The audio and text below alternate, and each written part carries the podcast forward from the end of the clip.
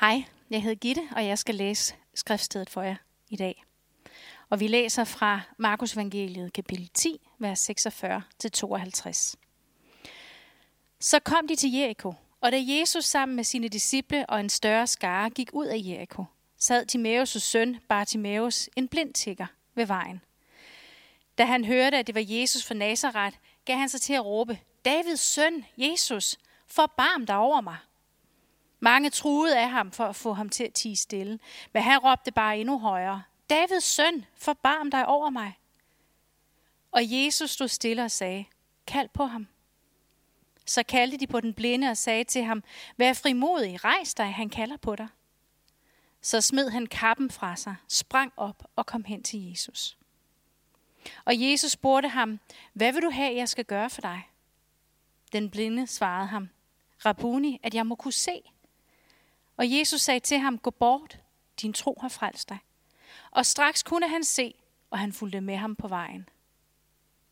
Hvad vil du have, jeg skal gøre for dig? Jesus overrasker igen alle med sit spørgsmål. Helt ærligt, jeg kunne da godt tænke mig, at der var flere, der stillede mig det samme spørgsmål i dag. Hvad vil du have, jeg skal gøre for dig? Jeg vil da have en lang liste med opgaver og ting, som jeg godt kunne tænke mig, at folk skulle hjælpe mig med. Og hvis Jesus kom og stillede det spørgsmål til mig, hvad vil du have, jeg skal gøre for dig? Jamen, jeg vil da have mange spørgsmål, jeg vil da have mange bedemner, som jeg rigtig godt kunne tænke mig, at han skulle besvare.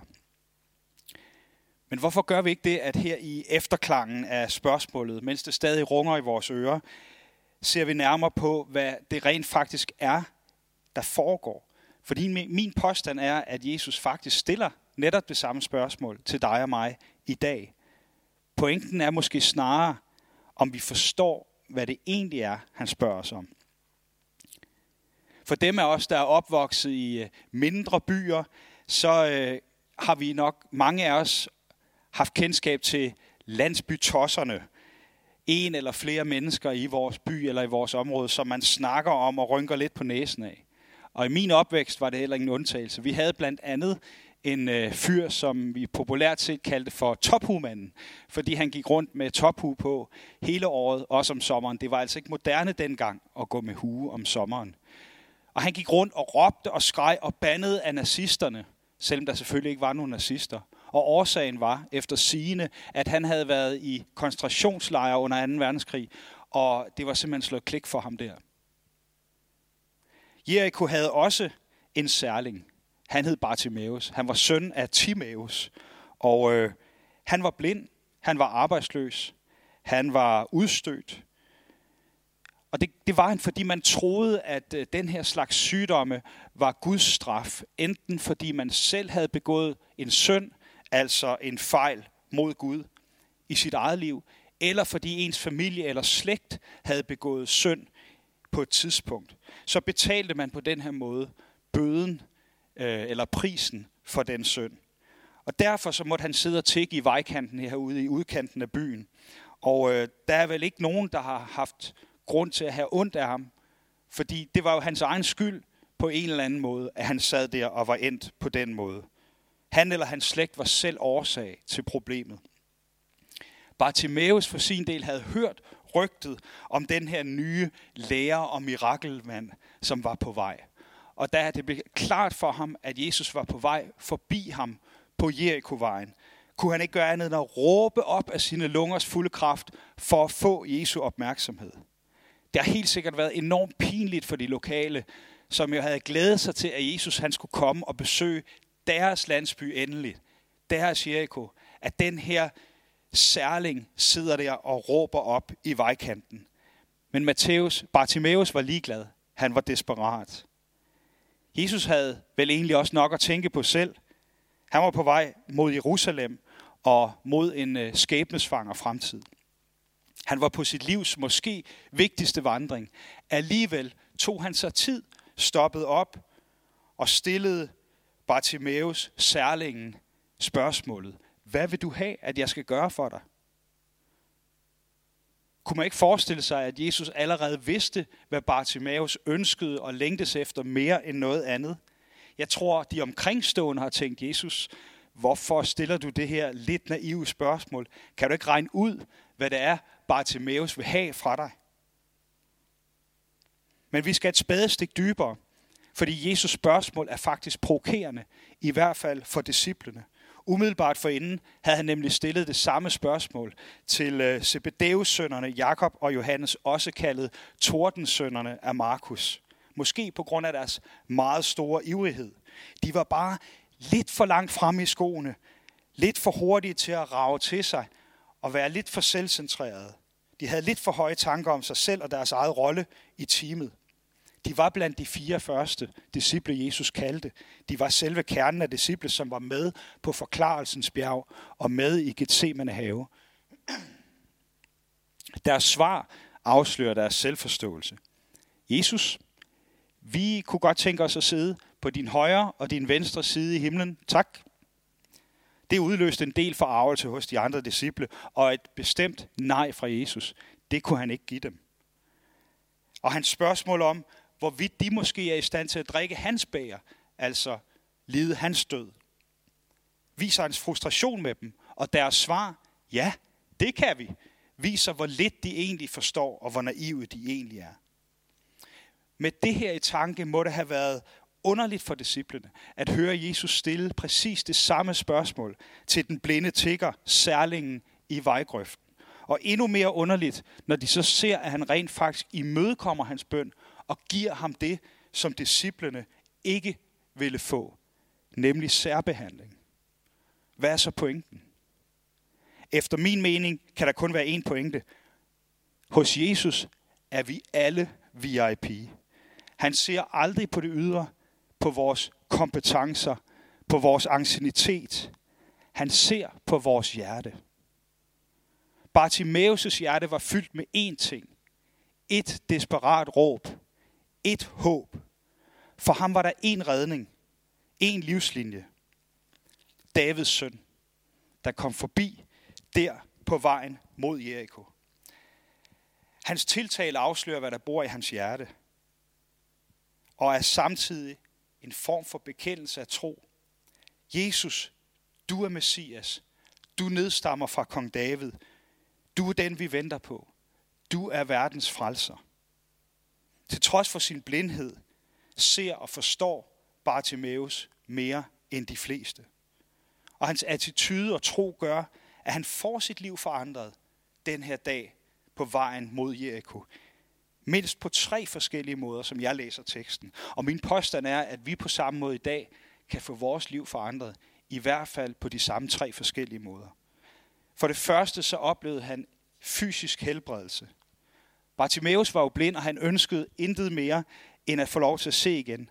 Han var så desperat efter en berøring af Jesus, at da Jesus bad ham om at rejse sig og gå hen til ham, smed han kappen fra sig. Hans kappe, som var det eneste, der kunne beskytte ham mod vind, varme og støv på Jerikovejen.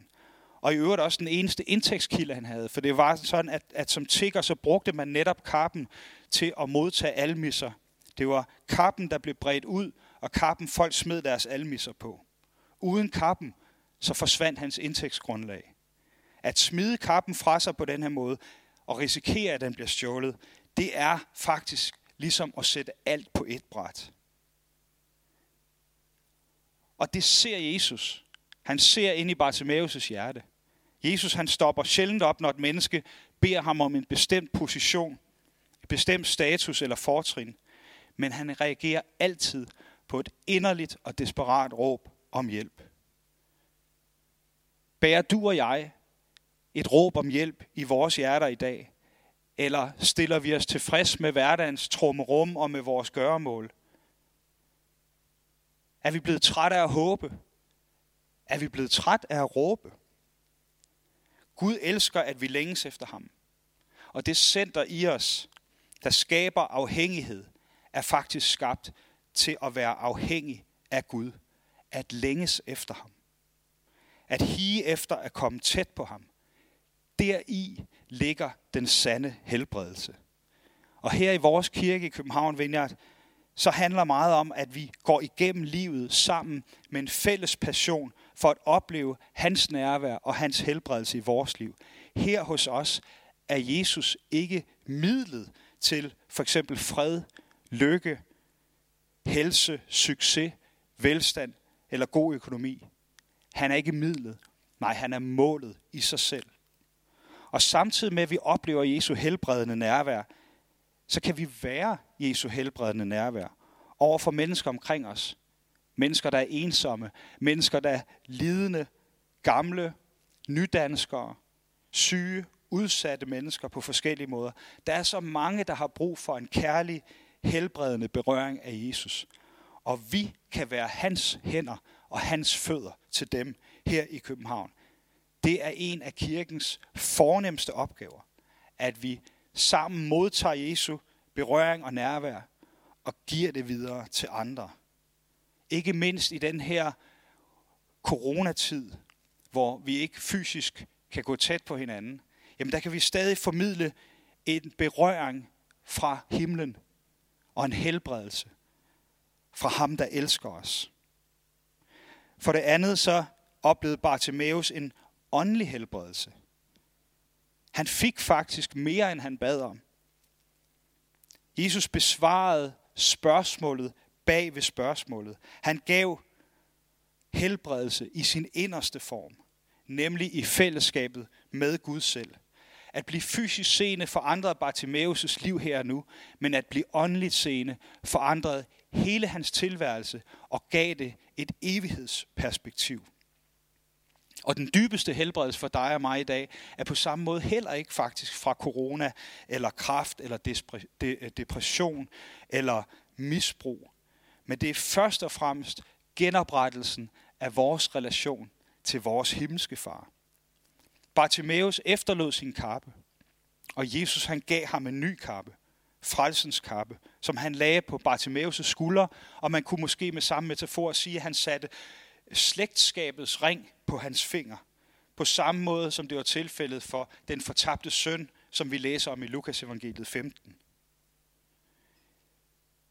Den, som ingen regnede med, og hvis elendige situation i samfundets øjne var selvforskyldt, er nu arving til hans rige og indhyllet i hans velsignelse.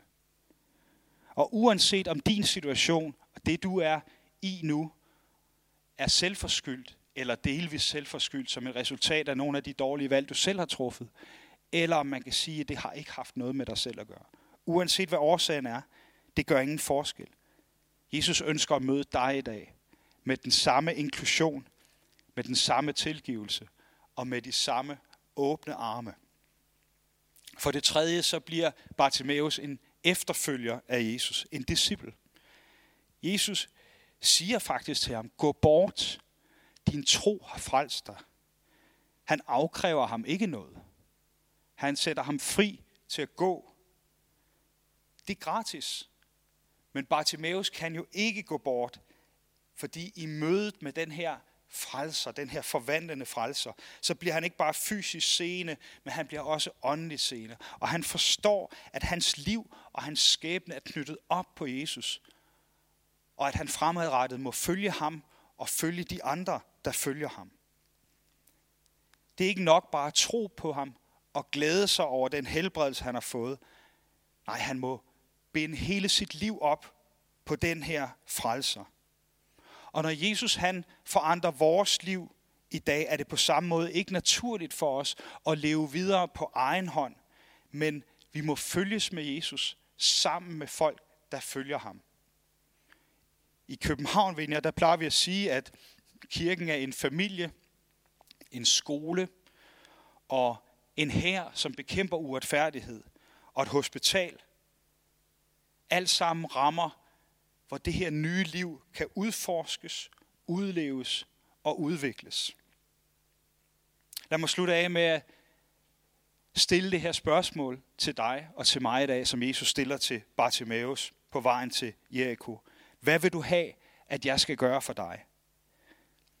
Og jeg vil sige for min egen del, jeg oplever igen og igen at komme til korte, og jeg må istemme det samme desperate råb, som Bartimaeus kommer med her.